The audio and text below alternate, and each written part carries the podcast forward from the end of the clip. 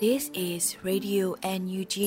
the voice of National Unity Government of Myanmar, broadcasting for Myanmar Spring Revolution. Radio NUG is transmitting from shortwave 16 meter 17.79 megahertz at 8:30 a.m. and 25 meter 11.94 megahertz at 8:30 p.m. Myanmar Standard Time. မင်္ဂလာပါရှင်။အမျိုးသားညီညွတ်ရေးအစိုးရရဲ့အတန်လွတ်ဌာန Radio NUG ကိုမန္တပိုင်း၈နိုင်ခွဲမှာလိုင်းတူ6မီတာ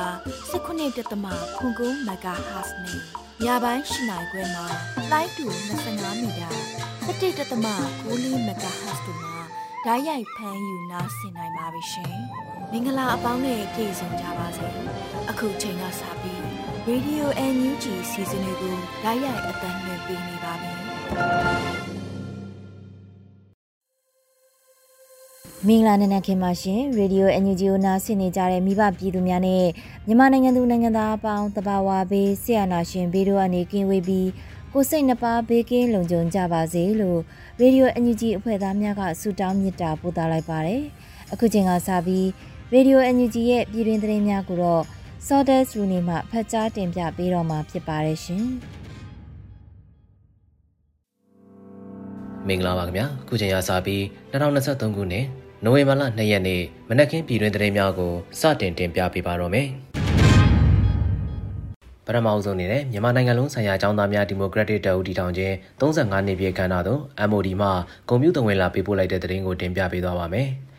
ရှစ်လီလုံးလူထုရေးတော်ပုံကြီးမှာပေါက်ဖွားလာတဲ့မြန်မာနိုင်ငံလုံးဆိုင်ရာចောင်းသားများဒီမိုကရက်တစ်တပ်ဦးចောင်းသားတပ်မတော်တည်ထောင်ခြင်း35နှစ်ပြည့်အခမ်းအနားသို့မြို့သားညီညွတ်ရေးဆိုရကာကွယ်ရေးဝန်ကြီးဌာန MOD ကကွန်ပျူတာဝင်လာပေးပို့ခဲ့ပါတယ်။ KSS ဒီမိုကရေစီလှုပ်ရှားမှုများမှာအသက်ဆုံးလွတ်ပေးလှူခဲ့ရတဲ့ចောင်းသားလူငယ်များပြည်သူများရဲဘော်များအားလုံးမမေ့မလျော့ဂုဏ်ပြုမှတ်တမ်းတင်အပ်ပါသည်ဟုတဝန်လွှာတွင်ဖော်ပြထားခဲ့ပါတယ်။ ယနေ့အချိန်ထိအာဏာသိမ်းစစ်တပ်နဲ့စစ်အာဏာရှင်စနစ်ကိုဆက်လက်ခုခံတွန်းလှန်တိုက်ပွဲဝင်နေတဲ့မြန်မာနိုင်ငံလုံးဆိုင်ရာចောင်းသားများဒီမိုကရက်တစ်တပ်ဦးចောင်းသားတပ်မတော်မှခေါင်းဆောင်များနဲ့တကွရဲဘော်တဦးတယောက်ချင်းစီတိုင်းကိုလည်းလေးစားဂုဏ်ယူကြောင်းလည်းပါရှိပါတယ်။ဒါအပြင်2023ခုနှစ်ဇွန်လဆန်းမှာစတင်ခဲ့တဲ့ကချင်ပြည်နယ်လိုင်ဇာဌာနချုပ်မှာစစ်ကောင်စီရဲ့ဝိုင်းပတ်ချေမှုန်ထိုးစစ်ကိုကချင်လွတ်လပ်ရေးတပ်မတော်ဦးဆောင်မှုအောက်တွင်ပြည်သူ့ကာကွယ်ရေးတပ်မတော်အနေဖြင့်လည်းចောင်းသားတပ်မတော်အပါအဝင်အခြားသောမဟာမိတ်များနဲ့ပူးပေါင်း၍ခုခံတိုက်ပွဲဝင်ခဲ့ရသည့်အတွက်လည်းများစွာဂုဏ်ယူမိပါတယ်လို့ MOD ကပြောခဲ့ ပါတယ်။ နွေဦးတော်လှန်ရေးဟာဆီယနာရှင်စနစ်ချုပ်ငြိမ်းရေးအတွက်အဆုံးသတ်တိုက်ပွဲဖြစ်သည့်အားလျော်စွာပုံရန်သူအကြမ်းဖက်စစ်တပ်အားတနိုင်ငံလုံးအတိုင်းအတာဖြင့်မဟာဗျူဟာထိုးစစ်ဆင်နွှဲနိုင်ရန်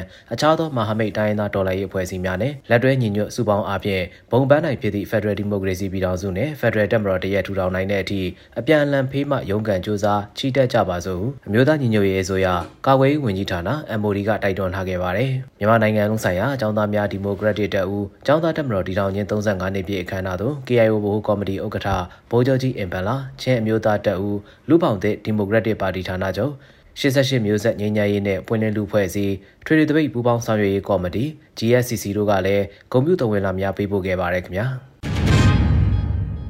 ဆက်လက်တင်ပြပေးမှာကတော့မြို့သားညီညွတ်ရေးအစိုးရပြည်ထရေးနဲ့လူဝင်မှုကြီးကြပ်ရေးဝန်ကြီးဌာနပြည်သူ့ရဲတပ်ဖွဲ့နဲ့စကိုင်းမကွေးပြည်သူ့လုံခြုံရေးအဖွဲ့များတွဲဆုံဆွေးနွေးတဲ့တဲ့တင်ပဲဖြစ်ပါတယ်။ အမျိုးသားညီညွတ်ရေးဆိုရာပြည်ထရေးနဲ့လူဝင်မှုကြီးကြပ်ရေးဝန်ကြီးဌာနပြည်သူ့ရဲတပ်ဖွဲ့နဲ့စကိုင်းတိုင်းမကွေးတိုင်းတွင်ရှိပြည်သူ့လုံခြုံရေးအဖွဲ့များတွေ့ဆုံဆွေးနွေးပွဲအမှတ်စဉ်43မြင်းဆောင်2023ကိုအောက်တိုဘာလ31ရက်နေ့10နာရီချိန်မှာကျင်းပပြုလုပ်ခဲ့တယ်လို့သတင်းထုတ်ပြန်ထားပါတယ်။အစည်းအဝေးမှာပြည်ထရေးနဲ့လူဝင်မှုကြီးကြပ်ရေးဝန်ကြီးဌာနအမြဲတမ်းတွင်မှအဖွဲ့မှစကားနဲ့လုပ်ငန်းစဉ်များကိုရှင်းလင်းပြောကြားခဲ့ပြီးတွဲဖက်အတွင်းဝင်တဲ့ပြည်သူ့ရဲတပ်ဖွဲ့ရဲချုပ်တို့ကနှုတ်ခွန်းဆက်စကားများအသီးသီးပြောကြားခဲ့ပါတယ်။အဲဒီနောက်တက်ရောက်လာကြတဲ့ပြည်သူ့လုံခြုံရေးအဖွဲ့ခေါင်းဆောင်များမှလုံခြုံရေးနဲ့တရားဥပဒေစိုးမိုးရေးဆောင်ရွက်နေမှုများဥပဒေဆိုင်ရာရာသိရှိလိုတဲ့အချက်များမြေပြင်အခြေအနေခက်ခဲများတင်ပြဆွေးနွေးကအမြဲတမ်းတွင်ဝင်တွဲဖက်တွင်ဝင်နဲ့ပြည်သူ့ရဲတပ်ဖွဲ့တာဝန်ရှိသူများမှဆွေးနွေးတင်ပြချက်များကိုရှင်းလင်းပြောကြားခဲ့ပြီးလိုအပ်ချက်များကိုညှိနှိုင်းဖြည့်ဆည်းပေးခဲ့တယ်လို့ဆိုပါတယ်အစည်းအဝေးကိုပြည်ထောင်နဲ့လူဝင်မှုကြီးကြပ်ရေးဝန်ကြီးဌာနအမြဲတမ်းအတွင်းဝန်တွဲဖက်အတွင်းဝန်ပြည်သူ့ရဲတပ်ဖွဲ့မှအရာရှိကြီးများနဲ့စကိုင်းမကွေးပြည်သူ့လုံခြုံရေးအဖွဲ့များမှခေါင်းဆောင်များတက်ရောက်ခဲ့ပြီးနေ့လယ်12နာရီချိန်တွင်အစည်းအဝေးအားအောင်မြင်စွာရန်နာခဲ့ပါတယ်ခင်ဗျာ။ ဂျာကာလာဒေသန္တရပြည်သူ့အုပ်ချုပ်ရေးဖော်ဆောင်မှုဘိုးကော်မတီနဲ့ရန်ကုန်တိုင်းအတွင်းရှိမြို့နယ်ပြည်သူ့အုပ်ချုပ်ရေးအဖွဲ့များတွဲဆုံဆွေးနွေးပွဲကျင်းပပြုလုပ်တဲ့တဲ့တင်ကိုတင်ပြပေးသွားပါဦးမယ်။အမျိုးသားညီညွတ်ရေးအစိုးရဂျာကာလာဒေသန္တရပြည်သူ့အုပ်ချုပ်ရေးဖော်ဆောင်မှုဗဟိုကော်မတီနဲ့ရန်ကုန်တိုင်းမြို့နယ်ပြည်သူ့အုပ်ချုပ်ရေးအဖွဲ့များတွဲဆုံဆွေးနွေးပွဲအစည်းအဝေး21မြင်းဆောင်2023ကိုအောက်တိုဘာလ31ရက်နေ့နေ့လယ်တနာရီချိန်မှာကျင်းပပြုလုပ်ခဲ့တယ်လို့သိရှိရပါတယ်။အစည်းအဝေးမှာဂျာကာလာဒေသန္တရပြည်သူ့အုပ်ချုပ်ရေးဖော်ဆောင်မှုဗဟိုကော်မတီအတွင်းရေးမှူးအဖွဲ့ဝင်လူသားချင်းစာနာထောက်ထားရေးနဲ့ဘေးရန်ရေးဆိုင်ရာစီမံခန့်ခွဲရေးဝန်ကြီးဌာနအမြဲတမ်းအတွင်းမှအဖွဲ့မှစကားပြောကြားခဲ့ပါတယ်။ဆက်လက်ပြီးဝန်ကြီးဌာနများမှလုပ်ငန်းဆောင်ရွက်ချက်များနဲ့ပတ်သက်ပြီးရှင်းလင်းပြောကြားခဲ့ကမြို့နယ်ပြည်သူ့အုပ်ချုပ်ရေးအဖွဲ့များမှမူဝါဒလက်ညွှန်ချက်များလုပ်ငန်းဆောင်ရွက်ချက်များမြေပြင်ခက်ခဲများနဲ့ပတ်သက်ပြီးသိရှိလိုသည့်အချက်များကိုဆွေးနွေးခဲ့ရာဝန်ကြီးဌာနအသီးသီးမှတာဝန်ရှိသူများမှပြန်လည်ဖြေကြားပေးခဲ့ပါတယ်။ အဲဒီနောက်ဂျာကာလာဒေသန္တရပြည်သူ့အုပ်ချုပ်ရေးဖော်ဆောင်မှုဘိုးကော်မတီအဖွဲ့ဝင်ဆက်သွယ်ရေးတရင်ချက်လက်နေနည်းပညာဝန်ကြီးဌာနပြည်ထောင်စုဝန်ကြီးဦးထင်လျောင်မှညီကုန်းချုပ်အမှာစကားပြောကြားခဲ့တယ်လို့သိရှိရပါတယ်။အဆိုပါတွေ့ဆုံပွဲကိုပြည်ထောင်စုဝန်ကြီးများဒုတိယဝန်ကြီးများအမြဲတမ်းတွဲဝင်များတွဲဖက်အမြဲတမ်းတွဲဝင်များဌာနဆိုင်ရာမှတာဝန်ရှိသူများနဲ့ရန်ကုန်တိုင်းမြို့နယ်ပြည်သူ့အုပ်ချုပ်ရေးအဖွဲ့များတက်ရောက်ခဲ့ကြပြီးအစည်းအဝေးကိုနေ့လယ်3နာရီချိန်မှာရန်နာခဲ့ပါတယ်ခင်ဗျာ။ အခုတင်ပြပေးမှာကတော့စစ်ကောင်စီအကြမ်းဖက်ဖြိုခွဲပြီးနေလေပိုကြီးမားတဲ့ပြည်လဲအုံကြွတော်လှန်မှုတွေနဲ့ရင်ဆိုင်ရမယ်ဆိုတာဒီနေ့စီရေးကလက်တွေ့ဥပမာပဲလို့ ABSDF ဥက္ကဋ္ဌဆိုလိုက်တဲ့သတင်းပဲဖြစ်ပါတယ်။အာနာသိန်းစစ်ကောင်စီအနေနဲ့အကြမ်းဖက်ဖြိုခွဲပြီးနေလေပိုကြီးမားတဲ့ပြည်လဲအုံကြွတော်လှန်မှုတွေနဲ့ရင်ဆိုင်ရလေလေဖြစ်တဲ့ဆိုတာဒီနေ့မြင်နေရတဲ့တော်လှန်ရေးအင်အားစုတွေရဲ့တံပြန်တိုက်ခိုက်ချိန်မုံမှုတွေကလက်တွေ့ဥပမာဖြစ်တယ်လို့ ABSDF ဥက္ကဋ္ဌရဲဘော်တန်ခဲကမြန်မာနိုင်ငံလုံးဆိုင်ရာအကြောင်းသားများဒီမိုကရက်တစ်တပ်ဦး ABSDF 35နှစ်ပြည့်အခမ်းအနားကိုပေးပို့ခဲ့တဲ့သုံးဝက်လောက်မှာပြောဆိုထားတာဖြစ်ပါတယ်။လက်ရှိကာလမှာလက်နက်ကိုင်အနိုင်ကျင့်ပြီးနိုင်ငံအာဏာကိုမတရားရယူထားတဲ့စစ်အာဏာရှင်များအနေနဲ့ပြည်တွင်းသားမကနိုင်ငံတကာစာမျက်နှာများတွေမှာဗတ်ပေါင်းစုံစန့်ကျင်မှုများနဲ့ရင်ဆိုင်နေရတယ်လို့လည်းသဝင်လောင်မှာဖော်ပြထားပါတယ်။ဒါအပြင်အာဏာသိမ်းကာလအချိန်၃နှစ်နီးပါးကြာလာပေမဲ့ပြည်သူလူထုရဲ့စန့်ကျင်တော်လှန်မှုတွေကတရက်မှရပ်တန့်ခဲ့တာမရှိဘဲအကြမ်းမဖက်လှုပ်ရှားမှုကနေရရလက်နက်ဆွဲကင်တော်လှန်တဲ့အထိပုံစံမျိုးစုံနဲ့ဆက်လက်တိုက်ပွဲဝင်နေကြဆဲဖြစ်တယ်လို့၎င်းကဆိုထားပါတယ်။ စစ်ကောင်စီကပြုလုပ်ဖို့ကြိုးစားနေတဲ့ရွေးကောက်ပွဲငြိမ်းချမ်းရေးစကားဝိုင်းနေနဲ့ပတ်သက်ပြီး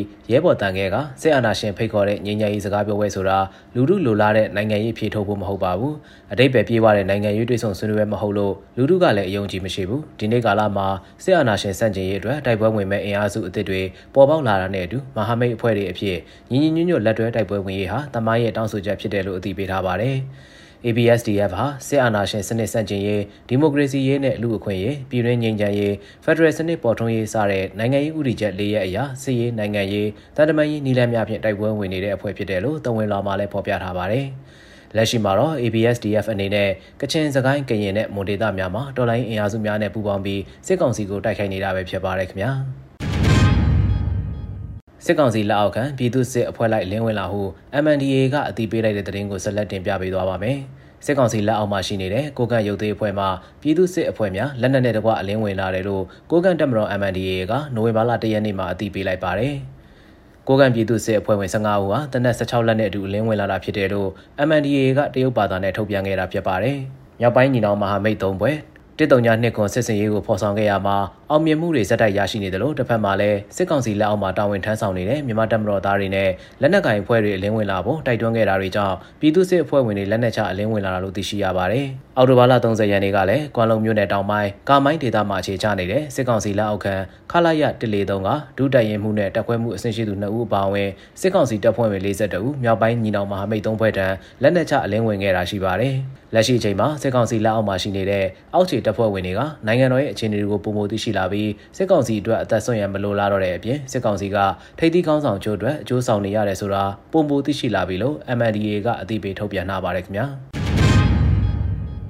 စီရေးဆိုင်ရာနေမြေကြီးကျော်လာပါကတုံ့ပြန်တိုက်ခိုက်မယ်လို့ UWSA အသိပေးလိုက်တဲ့သတင်းကိုတင်ပြပေးသွားပါဦးမယ်။ကိုဒေတာကိုပြည်သူတွေအပေါ်ချွင်းချက်မရှိကာကွယ်ဆောက်ရှောက်ခွင့်ကိုကျင့်သုံးနေတဲ့ဝါပြည်သွေးစည်းညီညွတ်ရေးတပ်မတော် UWSP UWSA ကနေနဲ့စစ်ရေးဆိုင်ရာနယ်မြေကျူးကျော်လာမှုတွေရှိရင်တုံ့ပြန်သွားမယ်လို့နိုဝင်ဘာလ၁ရက်နေ့မှာအသိပေးထုတ်ပြန်လိုက်ပါတယ်။ ရှမ်းမြောက်ဒေသမှာဖြစ်နေတဲ့တိုက်ပွဲတွေနဲ့ပတ်သက်လို့ UWSP ကအချက်လေးချက်ပါတဲ့၎င်းတို့ရဲ့သဘောထားကိုထုတ်ပြန်လိုက်တာဖြစ်ပါတယ်။ UWSA အနေနဲ့ကိုဒေတာနဲ့ကိုပြည်သူတွေပေါ်မှာချွင်းချက်မရှိကာကွယ်ဆောက်ရှောက်ခွင့်ရှိတဲ့အတွက်လေကြောင်းကြီးကြောင်းကနေနေကျော်လာတဲ့စီးရေးမှန်သမျှကိုတိုက်ထုတ်သွားမှာဖြစ်တယ်လို့အသိပေးထားပါတယ်။ဒီအချက်ဟာစစ်ကောင်စီတပ်ကိုရည်ညွှန်းတာဖြစ်နိုင်တယ်လို့စစ်ရေးလေးလာစောင့်ကြည့်သူတွေကသုံးသပ်ထားပါတယ်။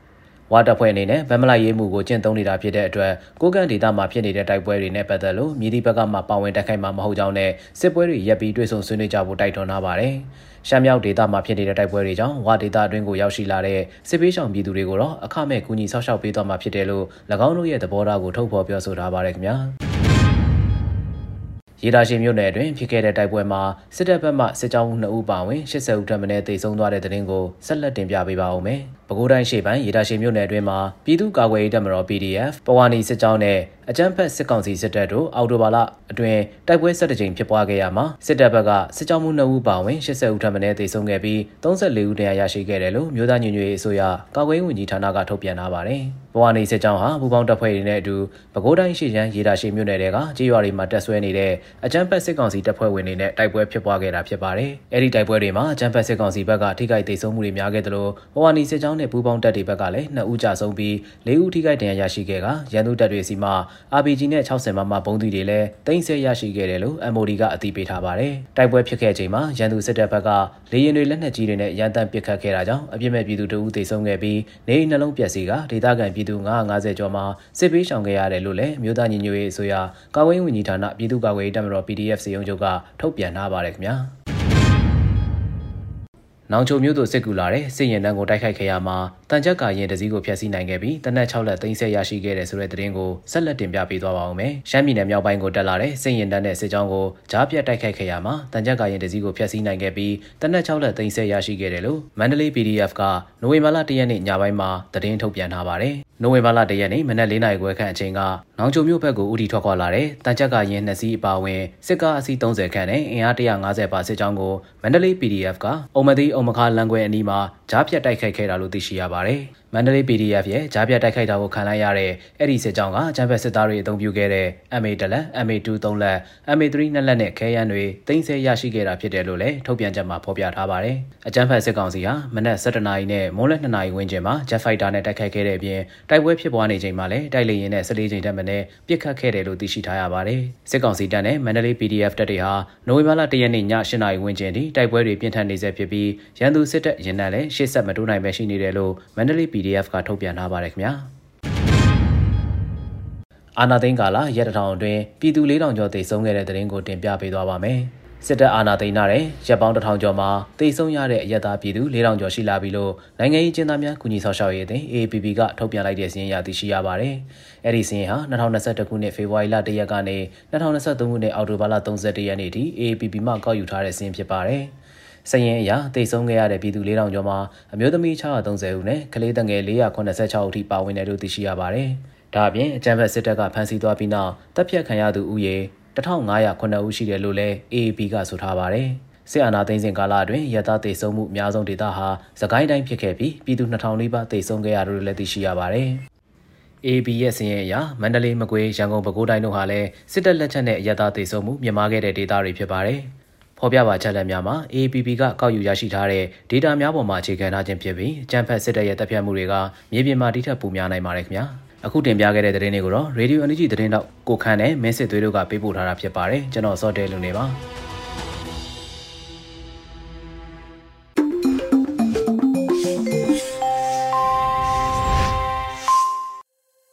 ရေဒီယိုအန်ဂျီဂျီရဲ့မနက်ခင်းအစီအစဉ်တွေကိုဆက်လက်အသံလွှင့်ပေးနေပါတယ်အခုတစ်ခါမှာတော့ မျက်မှောက်ရေးပြောကြားချက်အနေနဲ့တိုင်းရင်းသားမဟာမိတ်များရဲ့တည်တုံညနှစ်ခွန်စစ်စင်ရေးနဲ့လက်ရှိ NUG ကျန်းမာရေးဝန်ကြီးဌာနရဲ့ဆောင်ရွက်နေမှုများကိုပြည်ထောင်စုဝန်ကြီးဒေါက်တာဇော်ဝေစိုးနဲ့မေးမြန်းချက်ကိုမောင်ရင့်မှတင်ဆက်ပေးထားတာကိုနားဆင်ရမှာဖြစ်ပါတယ်ရှင်။ဟုတ်ကဲ့ဆရာအခုလက်ရှိဒီ30 20ခွန်စစ်စင်ရေးနဲ့ဒီတိုင်းသားမဟာမိတ်တွေကနေပြီးစစ်ကောင်စီကိုခုခံတွန်းလှန်စစ်တွေတိုးမြင့်ပြီးဆင်နွှဲလာနေကြတယ်။ ဆိုတော့အဲ့ဒီအချိန်မှာဒီမြန်မာပြည်တွင်းကတိုင်းသားတွေရောမြန်မာပြည်သူလူထုတွေရောဂျူတွေမှာဒီစစ်ဘေးရှောင်ရတာတွေဒီအထွေထွေအကြက်တဲတွေဒီစစ်ဘေးဒဏ်တွေကြောင့်ထိခိုက်ဒဏ်ရာရတာတွေเนาะယောဂဝေဒနာတွေခံစားနေရတယ်တိုးမြင့်လာတယ်လို့ဟိုပြောကြတယ်ပေါ့နော်အဲ့ဒီအတွက်ဒီ NUG ကဒီကျန်းမာရေးဝန်ကြီးဌာနအနေနဲ့ဟိုဘာတွေဆောင်ရွက်နေတာရှိတယ်လို့ပြောနိုင်ပါသလဲဆရာတကယ်တော့ NUG ရော NUG မှာရှိနေတဲ့ဒီကျန်းမာရေးဝန်ကြီးဌာန MOH ကော နောက်ဒီ MOH နဲ့လက်တွဲပြီးအတူတူလုပ်နေတဲ့တိုင်းရင်းသားကျမ်းမာရေးအဖွဲ့အစည်းကြီးရောအဲတိုက်ပွဲပုံဖော်နေတဲ့အဲညီနောင်သုံးပေါ်တို့နဲ့တွဲပြီးတော့လည်းပဲကျွန်တော်တို့ကျမ်းမာရေးစောင့်ရှောက်မှုတွေကြိုတင်ပြင်ဆင်တာတွေရှိပါတယ်။ဒါအပြင်တနိုင်ငံလုံးအတိုင်းအတာနဲ့စကိုင်းတို့မကွေးတို့ချင်းတို့ကရင်နီတို့သက်ဆိုင်ရာဒေသတွေနဲ့မြေပြင်မှာရှိနေတဲ့အဖွဲ့တွေနဲ့လက်တွဲပြီးတော့ နောက်ကျမရေးဝန်ထမ်းတွေပေါ့ဗျာအခုဆိုရင်4000ကျော်ရှိပါတယ်သူတို့တွေနဲ့တိုင်းရင်းသားကျန်းမာရေးအဖွဲ့အစည်းတွေနဲ့ပေါင်းပြီးတော့ကျွန်တော်တို့ဒါတွေစီးရုံပေါင်း82ရုံရှိတယ်ရှေ့တန်းအခုလိုရွေရှားနိုင်တဲ့စီးရုံစီကံနာအရေးပေါ်ကုသမှုတွေလုပ်နိုင်တဲ့စီးရုံပေါင်းအဲ169ရုံရှိတယ်ဗျာနောက် mobile team တွေ250ကျော်ရှိတယ်သူတို့တွေနေမေးညမေးအလုပ်လုပ်နေကြတယ်ဆိုတော့ဒါတွေကိုကျွန်တော်တို့ဦးစားပေးအစီအစဉ်နဲ့လုပ်နေရတာပေါ့ ကျွန်တော်တို့မှာငွေကြေးအပြင်လည်းပဲအများကြီးမရှိပေမဲ့ဒါပေမဲ့ကျွန်တော်နိုင်ငံတကာအကူအညီတွေရောနောက် NUG ကိုယ်တိုင်ကလည်းပဲဒီကျန်းမာရေးအတွက်ဆိုရင်တစ်လကိုဒေါ်လာ3သိန်း3သိန်းခွဲအကုန်ခံပြီးဒါပြင်ဆင်လာတာပေါ့ဗျာဆိုတော့အဲ့ဒါကြောင့်ကျွန်တော်တို့ဒီအချိန်မှာတော့အတော်အသင့်အဲအခြေအနေရှိတဲ့အရေးပေါ်ကျန်းမာရေးစောင့်ရှောက်မှုနောက်အခုလိုစစ်ပတ်ဆိုင်ရာရေးပေါ်ကျန်းမာရေးစောင့်ရှောက်မှုနောက်ပြည်သူလူထုအတွက်ကျန်းမာရေးစောင့်ရှောက်မှုတွေကို အဲအခြေအနေတစ်ခုအထိကျွန်တော်တို့ဆောင်ရွက်ပေးနိုင်အောင်ပြင်ဆင်ထားတယ်ဆောင်ရွက်ပေးနိုင်တယ်လို့ကျွန်တော်ပြောလို့ရပါတယ်ဟုတ်ကဲ့ပါဆရာအဲ့တော့တစ်ဆက်တည်းမေးချင်တာကတော့ဒီအခုလိုမြေပြင်မှာပေါ့နော်ဆရာတို့ရဲ့ CDM ဒီစေကျမ်းမာရေးဝန်ထမ်းတွေနဲ့အတူတိုင်းသားကျမ်းမာရေးပညာရှင်တွေပေါ့နော်အားလုံးဝိုင်းပြီးတော့ဒီရှေ့တန်းနောက်တန်းတွေမှာသွားပြီးတော့စေကူတမှုတွေပေးတယ်ဆောက်ရှောက်မှုတွေပေးနေကြတယ်ဆိုတော့အခုလက်ရှိအခြေအနေမှာသူတို့တွေစီက ဟိုဆရာကိုလှမ်းပြီးတော့ဟိုဘာတွေများလှမ်းပြောကြလဲအကြောင်းကြားကြလဲအဲ့ဒီသူတို့အတွေ့အကြုံလေးတွေခန်းစားချက်လေးတွေပြောကြလဲဆိုတာဟောဟိုပြည်သူလူထုသိသွားအောင်ပေါ့နော်ဆရာကနေတဆင့်ဘာများပြောနိုင်မလဲဆရာကျွန်တော်တို့ ဟိုဒီ CDM ကျမ်းမာရေးဆောင်ရှောက်သူတွေလိုပဲပြောပါတော့ဗျာဆိုတော့သူတို့ရဲ့စိတ်ဓာတ်တွေကတော်တော်ကိုပြင်းထန်ခိုင်မာတယ်လို့ကျွန်တော်တော့ပြောချင်တယ်ကျွန်တော်ကျွန်တော်ရဲ့အဲဒီ CDM ကျမ်းမာရေးဆောင်ရှောက်သူတွေကိုဒီနေရာကနေလည်းပဲအတိမတ်ပြုတယ်လေးလေးပြုတယ်လို့လည်းကျွန်တော်ပြောချင်ပါတယ်တကယ်တော့နှစ်နှစ်ခွဲသုံးနှစ်ရှိပြီလာစာတပြားတစ်ချက်မှမရပဲဒီနေ့တော်လန်ကြီးကိုသူတို့လုပ်နေကြတာဟာတော့တကယ်ကိုဒါကဘာမှမရှိတဲ့ရှားတဲ့တကယ်ကိုကျမ်းမာရေးဆောင်ရှောက်သူတွေလို့ပြောလို့ရပါတယ် တကယ်တော့ခဏလိုတိုက်ပွဲတွေဖြစ်ပြီးရှေ့တန်းနေမှာအဲခဏလူနာကိုခဏဒဏ်ရာရတဲ့လူတွေဒဏ်ရာရတဲ့လူတွေဆိုဆရာတွေ့ပါလိမ့်မယ်ရန်သူနဲ့မိတ်ဆွေမခွဲကြပဲတော့ကုပေးနေတာကိုဆရာတို့တွေ့လိမ့်မယ်နော်ဆရာတို့လည်းတွေ့မှာပါဒါကမီဒီယာထဲမှာပါပြီးသားရန်သူစစ်သားတွေကိုတော့ကျွန်တော်တို့ကစိတ်ကုပေးတယ်ကျွန်တော်တို့မှာတကယ် Geneva Convention နဲ့အဲသူတို့အခုလောလောဆယ်ဖြစ်နေတဲ့ဒီတိုက်ပွဲတွေမှာဆိုရင် နေမိတ်ညမိတ်နဲ့ကျွန်တော်စီကိုသူတို့ပေးတဲ့ message တွေဆိုရင်၃ရက်စက်တိုက်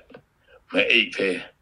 နော်လုံးဝတမီးတော့မမေးလိုက်ရပဲနဲ့သူတို့ operation တွေလုပ်ရတယ်ဒါပေမဲ့သူတို့အောင်အောင်မြင်မြင်လုပ်နိုင်တယ်ဆိုတာကိုကျွန်တော်စီကိုသူတို့သတင်းတွေပေးပါတယ်အဲဒီလိုသတင်းတွေကြားရတဲ့အတွက်ကျွန်တော်အနေနဲ့လည်းရန်ကိုသူတို့တွေအတွက်ခုံယူလဲယူရပါတယ်နောက်ကျွန်တော်တို့ဒီနေ့တော်လိုင်းရေးဟာဒါကြောင့်လည်းပဲအောင်မြင်လိမ့်မယ်လို့ကျွန်တော်ယုံကြည်ပါတယ်လို့ကျွန်တော် ဖြည့်ချင်ပါတယ်ဗျာသူတို့ကိုစားဒီတိုင်းသားဒီမဟာမိတ်ညီနောင်တွေကစီရေးအခန့်ကဏ္ဍကိုတိုးမြင့်လာတာကျေပြန့်လာတာနဲ့ပတ်သက်ပြီးတော့ NUG အစိုးရအနေနဲ့ကဟိုဘာတွေလုပ်နေလဲဟိုဘလောက်ထိပါလဲပေါ့နော်ပြည်သူတချို့ကနေပြီးတော့အဲ့လိုမျိုးမေးမြန်းတာတွေဝေဖန်တာတွေကြားနေရတယ်ဒီလိုအချိန်မျိုးမှာအဲ့ဒါနဲ့ပတ်သက်ပြီးတော့ဆရာဘာပြောချင်လဲဒါတော့ခင်ဗျာဟိုရှင်းပါတယ်အဲကျွန်တော်တို့ပြည်သူတရက်လုံးတော်လှန်ရေးကြီးတရက်လုံး NUG ကရော တိုင်းရင်းသားတွေအားလုံးရောမျော်လင့်နေတဲ့အခုဆိုရင်ဒါညီနောင်သုံးပေါ်ပါလာတာအဲဒီထက်ဝမ်းသာစရာကောင်းတာပါရှိသေးလေဗျာဒီထက်အားရစရာကောင်းတာပါရှိသေးလေဆိုတော့ဒါတွေကအားလုံးစုပေါင်းပြီးပြင်ဆင်လာတဲ့သူတို့ဒီညီနောင်သုံးပေါ်ကလည်းဒါပြောထားပြီးသားပဲစစ်အာဏာရှင်ကိုဖယ်ရှားပြီးတော့ကျွန်တော်တို့ဒီ Federal နိုင်ငံဒီထောင်မှုအတွက်သူတို့တိုက်ပွဲဝင်နေ ဒီနေ့ဒီအချိန်ဒီလိုအခါမျိုးမှာမှတိုက်ပွဲမဝင်ဘယ်အချိန်ဝင်မလဲပေါ့ဗျာအဲ့တော့ကျွန်တော်တို့ဒါမဟာမိတ်တပေါင်းစုကြီးဆိုတဲ့အဓိပ္ပာယ်ပါပဲကျွန်တော်တို့စကိုင်းတို့ချင်းတို့ကရင်နီတို့ကရင်တို့တိုက်နေသလိုအခုကချင်တို့တိုက်နေသလိုအခုဒါရှမ်းမြောက်ကတိုက်တာပဲလीဗျာဆိုတော့ဒါနဲ့ပတ်သက်ပြီးတော့ကျွန်တော်ထင်ပါတယ်မေဝန်ထူးထူးခြားခြားဖြည့်စရာမလိုပါဘူးကျွန်တော်တို့အားလုံးက ဝမ်းသာအားရကြိုဆိုကြဖို့ပဲရှိတယ်။ NUG ပါတယ်မပါဘူးဆိုတာဒီနေ့တော်လန်ရေးထဲမှာ NUG ဟာတစိမ့်တစ်ပိုင်းရှိသလိုကျန်တဲ့လူတွေအားလုံးလည်းတစိမ့်တစ်ပိုင်းနဲ့ဒီအပိုင်းတွေအားလုံးပေါင်းလိုက်တော့တစုဖြစ်သွားပြီးတော့ဒေါ်လာရေးကြီးတစုံဖြစ်သွားတာပေါ့ဗျာဒါဟာကျွန်တော်တို့ဒီຫນွေဦးဒေါ်လာရေးအောင်မြင်အောင်အောင်မြင်ကြောင်းရောက်တော့မယ်ဆိုတဲ့အဓိပ္ပာယ်ပါပဲဗျာဟုတ်ကဲ့ပါဆရာကျေးဇူးပါပဲနောက်ဆုံးဖြစ်ဆွချင်တာလေးများရှိပါသလားဆရာ အခုကြည့်ရတာတကယ်တော့တော်တော်အားရဖို့ကောင်းတယ်9ရက်အတွင်းမှာဒီသူတို့ရန်သူစခန်းတွေ80ကျော်90ကိုတိမ့်လိုက်နိုင်တာတို့တင်96ဆင်းလို့ဆိုတာတော့ကျွန်တော်ထင်တယ်အဲ့ဒီအရှိန်အဟုန်တိုင်းတာသွားမယ်ဆိုရင်ကျွန်တော်အာဖဂန်နစ္စတန်ကိုတော့သွားတတိရတယ်ဗျာအာဖဂန်နစ္စတန်က9ရက်နဲ့တင်မြို့ကိုတိမ့်လိုက်တာကာဘူးကိုတိမ့်လိုက်တယ်လို့ပဲမကြခင်မှာကျွန်တော်ထင်တယ်ပြင်ဦးလွင်တို့မန္တလေးတို့လာရှိုးတို့ကျွန်တော်ရလိမ့်မယ်လို့ထင်ပါတယ်လို့ ဟုတ်ကဲ့ဆရာအဲ့တော့ဒီစကားဆရဲ့လက်အောက်မှာဒီယုံထွက်လို့မရဖြစ်နေတဲ့ဒီစစ်မှုတန်းတွေစစ်ဝန်တန်းတွေစစ်သားတွေကိုဆရာအနေနဲ့ဗာများပြောချင်ပါတယ်လေဆရာအာဒီဟာကတော့ဟိုဒီကျွန်တော်တို့ရဲ့တော်လှန်ရေးကဒါတိုင်းပြည်အတွက်ဒီမြန်မာပြည်အတွက်အကောင်းဆုံးအဖြေကိုထုတ်နေတဲ့အချိန်မှာမြန်မာပြည်တွေကလူတွေကပူးပေါင်းလိုက်ဖို့ပဲရှိတာဆိုတော့ဒါကြောင့်ကျွန်တော်နန်းစီရီယန်တွေပေါ့ဟိုဘက်မှာရောက်နေတဲ့နန်းစီရီယန်တွေလည်း ဒီအချိန်ကတော့ပြည်သူနဲ့ပူးပေါင်းမှုအချိန်ရောက်ပြီအလင်းဝင်ကြတော့ပေါ့နော်နောက်ခုနစစ်သားတွေရဲသားတွေလည်းအလင်းဝင်ကြတော့ကျွန်တော်ပြောပါတယ်နော်ဒီစကားစလည်းလက်နဲ့ချဖို့ကောင်းပါပြီတကယ်တော့ဒီဟာသူတို့မနိုင်တော့ပါဘူးသိကြပါတယ်နောက်ဟိုကျွန်တော်ခရိုနီတွေကိုတော့ပြောနေတာခရိုနီတွေလည်းဒီအချိန်မှာပြည်သူနဲ့တူပူးပေါင်းဖို့လိုပြီတကယ်တော့ကျွန်တော်တို့ဟိုလေရုပ်ပြက်ဆင်းပြက်မဖြစ်ချင်ဘူး အသေးအပြောက်တွေမများချင်ဘူးပေါ့ဗျာကျွန်တော်တို့တိုင်းပြည်ကိုအေးချမ်းစွာနဲ့တည်ဆောက်ရအောင်အားလုံးကျွန်တော်တို့ဒီဘက်ကဒေါ်လာရင်းနဲ့အတူပြည်သူနဲ့အတူလက်တွဲပါအလင်းဝင်ပါလက်နဲ့ချပါလို့ပဲကျွန်တော်တို့ပြောချင်ကျေးဇူးပါ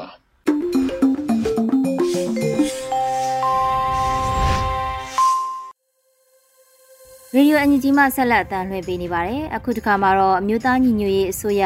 ကာကွယ်ရေးဝန်ကြီးဌာနဒုတိယအတွင်းဝင် ပြောရေးဆိုခွင့်ရှိသူဦးမမောင်ဆွေရဲ့ပြည်သူလူထုထံသို့နှွေဦးတော်လှန်ရေးအောင်ပွဲသတင်းများတင်ပြခြင်းအစီအစဉ်ကိုနားဆင်ရမှာဖြစ်ပါတယ်ရှင်။အားလုံးပဲမင်္ဂလာပါ။ဒီတစ်ပတ်မှာတော့ကျွန်တော်တို့အမျိုးသားညီညွတ်ရေးအစိုးရကာကွယ်ရေးဝန်ကြီးဌာနတိုင်ရင်တပ်ဖွဲ့တွေနဲ့မဟာမိတ်တော်လှန်ရေးအင်အားစုတွေမဟာမိတ်တော်လှန်ရေးအဖွဲ့တွေရဲ့မြေပြူအောင်မြောက်စစ်စေးလှုပ်ရှားမှုအဖြစ်အကြမ်းဖက်စစ်ကောင်စီရဲ့အထိုင်စခန်းတွေကိုကာလရှည်ဝိုင်းဝန်းပိတ်ဆို့ထားတာ အဲ့ဒီစခန်းတွေကိုပို့လာမဲ့ရိတ်ခါတွေခံပြီးတော့တွေကိုအစင်းစင်းဖြတ်တောက်တာအဲ့လိုပိတ်ဆို့ဖြတ်တောက်ပြီးတဲ့နောက်မှာတော့အကြမ်းဖက်စစ်ကောင်စီရဲ့အထိုင်စခန်းတွေကိုမေးရဆုံးမှာတပြိုင်နက်တည်းတိုက်ခိုက်ပြီးတော့ခြေမုံတုတ်တင်နိုင်ခဲ့တဲ့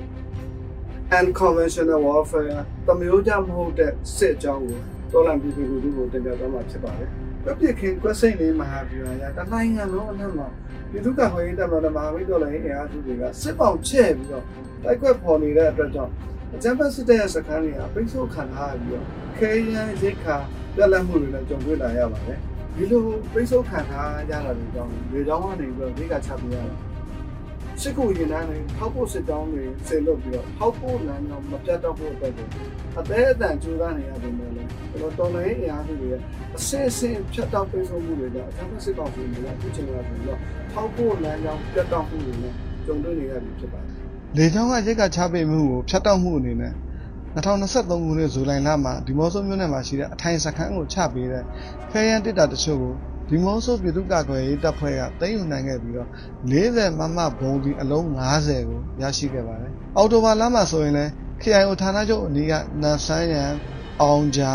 မဒီရန်ရိုင်လန်စတဲ့ရွာတွေမှာရှိတဲ့စခန်းတွေကိုခဲရန်တစ်တာ12ခုကိုလေဒီနဲ့ချပေးခဲ့တဲ့အထက်က17ခုကို KIA တပ်ဖွဲ့ဝင်တွေကသိမ်းယူနိုင်ခဲ့ပါတယ်။ Operation 1027စစ်စင်ရဲ့ဒုတိယမြောက်နေ့မှာရှင်းရှင်းအောင်မျိုးပတ်ဝန်းကျင်ကို လေဒီနဲ့စစ်ကူလာတဲ့စစ်ကောင်စီရဲ့တပ်ဖွဲ့ဝင်အင်အား80ကိုချေမှုန်းနိုင်ခဲ့ပြီးတော့လေဒီနဲ့ချပေးတဲ့ရိတ်ခါတို့10ထုပ်စလုံးကိုလည်းမဟာမိတ်ညီနောင်အဖွဲ့တွေကတင်စီနိုင်ခဲ့ပါတယ်စစ်ကောင်စီရဲ့စစ်ရင်တန်းတွေဟာတနိုင်ငံလုံးမှာပိတ်ဆို့တိုက်ခိုက်ခံနေရပြီးတော့ရပိုင်းနဲ့ရောက်အမဲ့ခရီးကိုလာပေါင်းအတော်ကြာသွားလာနေရပါတယ်။ဩဂတ်စ်လမှာဆိုရင်ကရင်နီပြည်နယ်ဒီမော့ဆိုကနေပြီးတော့မဲဆဲကိုသွားတဲ့အစီး40ပါစစ်ရင်တန်းက3လကြာတဲ့ဒီညီမချက်နေရာကိုမရောက်နိုင်သေးပါဘူး။ ဧပြီလတုန်းကဆိုရင်လည်းချင်းပြည်နယ်ဟာခါကနေတော့ဖလန်းကိုသွားတဲ့တန်ကြက်က2စီးပါစစ်အစီး30ပါတဲ့စစ်ရင်တန်းကရင်နှန်းတစ်ခုလုံးကိုတော်လိုင်းအင်အားစုတွေကခြေမုံတိုက်ခိုက်ခြင်းခံလိုက်ရပါတယ်။ပြီးခဲ့တဲ့ရပိုင်းတုန်းကဆိုရင်အရှင်းမြောက်တိုင်းစစ်ဌာနချုပ်ရှိတဲ့လာရှိုးမူဆယ်ပြည်ထောင်စုလမ်းလာရှိုးရှင်းရွှေဟောပြည်ထောင်စုလမ်းတွေကိုမဟာမိတ်တော်လိုင်းအင်အားစုတွေကထိန်းချုပ်တာကိုခံလိုက်ရပါပြီ။ မြန်မာပြည်သူလူထုတရက်လုံးရဲ့လိုလားချက်ဖြစ်တဲ့ဆီယနာရှင်ကိုအမြင့်ပြတ်ချေမုန်းနိုင်ရေးအတွက်ရှမ်းမြောက်ဒေသမှာဆိုရင်လည်း Operation 1027ကိုစတင်ပြီလို့ MNDAA TNLA ULAA မဟာမိတ်ညီနောင်သုံးဘက်ကဆယ်လပိုင်း28ရက်နေ့မှာထုတ်ပြန်ကြေညာပြီးတော့ထိုးစစ်ကိုလည်းတပြိုင်တည်းစတင်ခဲ့ကြပါတယ် ဒီ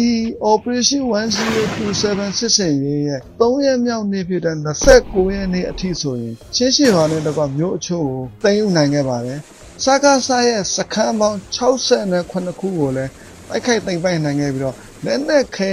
မိကြောင်အမြောက်အများကိုရရှိခဲ့တယ်လို့ပဲစကားစားလက်အောက်ခံအရာရှိအရာခံအကြက်စစ်တီအမြောက်အများကိုလည်း ခြေမုံတုတ်တင်နိုင်ခဲ့ပါတယ်ဒီ operation 1027မှာဆိုရင်ပြည်သူ့ကာကွယ်ရေးတပ်မတော်တပ်ရင်းတပ်ဖွဲ့တွေဖြစ်တဲ့မန္တလေး PDF နဲ့မိုးကုတ်ဗျူဟာတို့ကမန္တလေးရှမ်းမြောက်အဆက်ဒေသတွေဖြစ်တဲ့နောင်ချိုပြင်ဦးတွေမိုးကုတ်စားတဲ့ဒေသတွေမှာဆိုရင်တောင်တမန်စစ်စင်ရေးအဖြစ်ကိုပူပေါင်းပါဝင်တိုက်ခိုက်လေးရှိပါတယ်။အော်တိုဘာလ28ရက်နေ့မှာဆိုရင်နောင်ချိုမြို့နဲ့တန်ဖိုးကျေးရွာမှာရှိတဲ့အကြမ်းဖက်စစ်ကောင်စီရဲ့နတ်စင်ကုန်း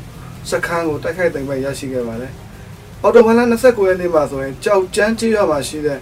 ခမ်းတိုက်ပွဲမှာခမ်းမရတက်တက်လေးကဒုတက်ရင်မှုအပါအဝင်ရှစ်ဦးကိုရှင်းလင်းသုတ်တင်နိုင်ခဲ့ပြီးတော့လက်နက်အမြောက်များကိုတင်စီရရှိခဲ့ပါတယ်။အော်တိုဘာလ30ရက်နေ့တိုက်ပွဲမှာဆိုရင်လည်းဘုံမှုတူဘိုးကြီးတူဘိုးတူအပါအဝင်9ဦးကိုလက်ရဖမ်းဆီးနိုင်ခဲ့ပါတယ်။အရှင်းမြောက်တိုင်းစစ်ဌာနချုပ်ရှိတဲ့ရှမ်းပြည်မြောက်ပိုင်းမှာပေါ်ဆောင်ရရှိတဲ့စစ်စင်ရေးတွေနဲ့အတူပဲဒီမှာပြည်တောင်ပိုင်းအလယ်ပိုင်းမြောက်ပိုင်းတွေမှာလည်းပြည်သူ့ကာကွယ်ရေးတပ်မတော်နဲ့မဟာမိတ်တော်လှန်ရေးအင်အားစုတွေကဟန်ချက်ညီစစ်စင်ရေးတွေကို ဟော်ဆောင်တိုက်ခိုက်လျက်ရှိပါတယ်။မြန်မာပြည်ရဲ့အလဲပိုင်းဆီယနာရှင်တွေရဲ့နောက်ဆုံးခံတမ်းမျိုးဖြစ်တဲ့နေပြည်တော်မှာရှိတဲ့လက်ဖက်တောင်တိုက်ပွဲကိုအော်တိုဘာလ23ရက်နေ့ကကြားတန်လုံးစစ်ကြောင်းတန်တော်မြောက်ပိုင်းမဟာမိတ်အဖွဲ့နဲ့ပြည်သူ့ကာကွယ်ရေးတပ်မတော်သားတွေကဝင်ရောက်တိုက်ခိုက်ခဲ့ပါတယ်။လို့တိုက်ခိုက်တဲ့အချိန်မှာအကြမ်းဖက်စစ်ကောင်စီရဲ့လက်အောက်ခံတရင်ကအကြက်စစ်စီအရာရှိစစ်စီတွေအနေနဲ့ ရှင်ပြိုင်တိုက်ခိုက်နိုင်ပဲမရှိဘဲနဲ့စခန်းကိုထားပြီးတော့ထွက်ပြေးသွားတဲ့အတွက်ကြောင့်လက်နက်ခဲယမ်းပြီးတော့အမြောက်အများကိုတင်စီရမိခဲ့ပါတယ်။အဲ့လိုပါပဲမြန်မာပြည်တောင်ပိုင်းမြို့တစ်မြို့ဖြစ်တဲ့ကော့ကရိတ်မြို့ကိုဆိုရင်လည်းကရင်အမျိုးသားလွတ်မြောက်ရေးတပ်မတော်နဲ့ပြည်သူ့ကာကွယ်ရေးတပ်မတော်လက်အောက်ခံတပ်ရင်းတပ်ဖွဲ့တွေတော်လှန်ရေးအင်အားစုတွေကကာလရှည်ကြာဝိုင်းဝန်းပိတ်ဆို့ထားပြီးတဲ့နောက်မှာတော့အော်တိုဘာလ28ရက်နေ့မှာဟန်ချက်ညီစစ်စင်ရေးအဖြစ်ဝင်ရောက်တိုက်ခိုက်ခဲ့ပြီးတော့မြို့တော်ခမ်းမတရားရုံးစားရဖရုံနဲ့အချုပ်ခန်းတွေကိုဖျက်ဆီးနိုင်ခဲ့ပါတယ်။ ကော့ကရိတ်မြို့ဟာဆိုရင်အခုချိန်ထိပြည်သူ့ကာကွယ်ရေးတပ်မတော်နဲ့မဟာမိတ်တော်လှန်ရေးအင်အားစုတွေရဲ့ဘိုင်းဝန်းပိတ်ဆို့ထိန်းသိမ်းမှုအောက်မှာပဲရှိနေသေးပဲဖြစ်ပါတယ်။ချုပ်ပြီးတော့ပြောမယ်ဆိုရင်တော့ဒီစစ်စင်ရေးတွေက unconventional warfare တမယိုးကြမဟုတ်တဲ့ထိုးစစ်ဗျူဟာအတိုင်းပထမဆုံးအနေနဲ့အကြမ်းဖက်စစ်ကောင်စီကိုစစ်ပန်းအောင်လုပ်တယ်။သူတို့ရဲ့စခန်းတွေကိုဝိုင်းကာလာရှည်ကြဝိုင်းဝန်းပြီးတော့ပိတ်ဆို့ထားတယ်။အဲ့ဒီစခန်းတွေကိုလာမဲ့ထောက်ပို့လိုင်းတောင်းတွေကိုအစင်းစင်း ဖြတ်တောက်တယ်နောက်ဆုံးမှာတော့အဲ့ဒီဆိုင်စခန်းတွေကိုတပြိုင်နက်တည်းမှာပဲဝင်ရောက်တိုက်ခိုက်ပြီးတော့ခြေမုံတုတ်တင်လိုက်တယ်ဆိုတော့ဗျူဟာအတိုင်းကိုအကောင့်တွေပေါ်ဆောင်ရွက်ခဲ့တာဖြစ်ပါတယ်ချမှတ်ထားတဲ့ဗျူဟာအတိုင်းလဲအောင်အောင်မြင်မြင်နဲ့ခြေမုံနိုင်ခဲ့တယ်လို့လည်းပြောလို့ရပါတယ်ဒီနေ့စတင်နေတဲ့ထိုးစစ်တွေနဲ့ဆောင်းဥပေါပွင့်နေရသည်မှာတနိုင်ငံလုံးအနှံ့ကိုကွက်ပစ်ခင်းကွက်စိတ်မင်းပြီးတော့ဆင်နွှဲလာဖို့ရှိတဲ့ထိုးစစ်ကအရှိန်နဲ့ပေါင်းလိုက်မယ်ဆိုရင်တော့ အကြမ်းဖက်စစ်ကောင်စီအနေနဲ့ဒီအတက်ပို့ပြီးတော့ကြီးမားတဲ့ဆုံးရှုံးမှုတွေနဲ့မလွဲမသွေရင်ဆိုင်ရဖို့ရှိတယ်ဆိုတာကိုပြောချင်ပါတယ်ဒီထိုးစစ်တွေကနေဦးတော်နိုင်ရဲ့နောက်တစ်ခါအရွေးတစ်ခုကိုတွားနေပါပြီအကြမ်းဖက်စစ်ကောင်စီရဲ့ကြာဆုံးခန်းကိုလည်းထင်ထင်ရှားရှားမြင်နေရပြီလို့လည်းတော်လန်ပြည်သူလူထုအပေါင်းကိုပြောချင်ပါတယ်ဆိုတော့ဒီနေ့ထိရောက်ရှိနေတဲ့တော်လန်ရဲ့အစဉ်တန်းတွေကတော်လန်ပြည်သူလူထုအပေါင်းရဲ့ထောက်ပို့တာဝန်ယူမှုနဲ့ရောက်ရှိလာတာပါ အဲဒါကြောင့်ကျွန်တော်တို့တော်လန်ပြည်သူလူထုအနေနဲ့လည်းကျွန်တော်တို့ရဲ့အန်တီမရီမန်ချက်ဖြစ်တဲ့စစ်ကောင်စီကိုအမြင့်ပြတ်ချေမှုနိုင်ရေးအတွက်ကိုထောက်ပို့တာဝန်ယူပို့ပြီးတော့ယူပေးကြပါလို့ထပ်လောင်းပြီးတော့တိုက်တွန်းနေပါတယ်အရေးတော်ဘုံအောင်ကိုအောင်ရမည်အရေးတော်ဘုံအောင်ကိုအောင်ရမည်အရေးတော်ဘုံအောင်ကိုအောင်ရမည်ဒီကနေ့ကတော့ဒီညနေပဲ Radio NUG ရဲ့အ စီအစဉ်လေးကိုခေတ္တရ延လိုက်ပါမယ်ရှင်မြန်မာစံတော်ချိန်မနေ့၈နိုင်ခွဲနဲ့ည၈နိုင်ခွဲအချိန်တွေမှာပြောင်းလဲဆိုပြကြပါလို့ရှင် Radio NUG ကိုမနေ့ပိုင်း၈နိုင်ခွဲမှာလိုင်းတူ16မီတာ19တက်တမခုကူမဂါဟတ်နဲ့ညပိုင်း၈နိုင်ခွဲမှာလိုင်းတူ25မီတာ17တက်တမ6လေးမဂါဟတ်တို့မှာဓာတ်ရိုက်ဖမ်းယူနားဆင်နိုင်ပါပြီရှင်။ မြန်မာနိုင်ငံသူနိုင်ငံသားများကိုစိတ်နှဖျားစမ်းမချမ်းသာလို့ဘေးကင်းလုံခြုံကြပါစေလို့ Radio NUG ရဲ့ဖွဲ့သူဖွဲ့သားများကဆုတောင်းလိုက်ရပါတယ်။ San Francisco Bay Area အခြေစိုက်မြန်မာမိသားစုများနိုင်ငံတကာကစေတနာရှင်များလိုအားပေးများရဲ့ Radio NUG ဖြစ်ပါတယ်ရှင်။အရေးတော်ပုံအောင်ရမည်။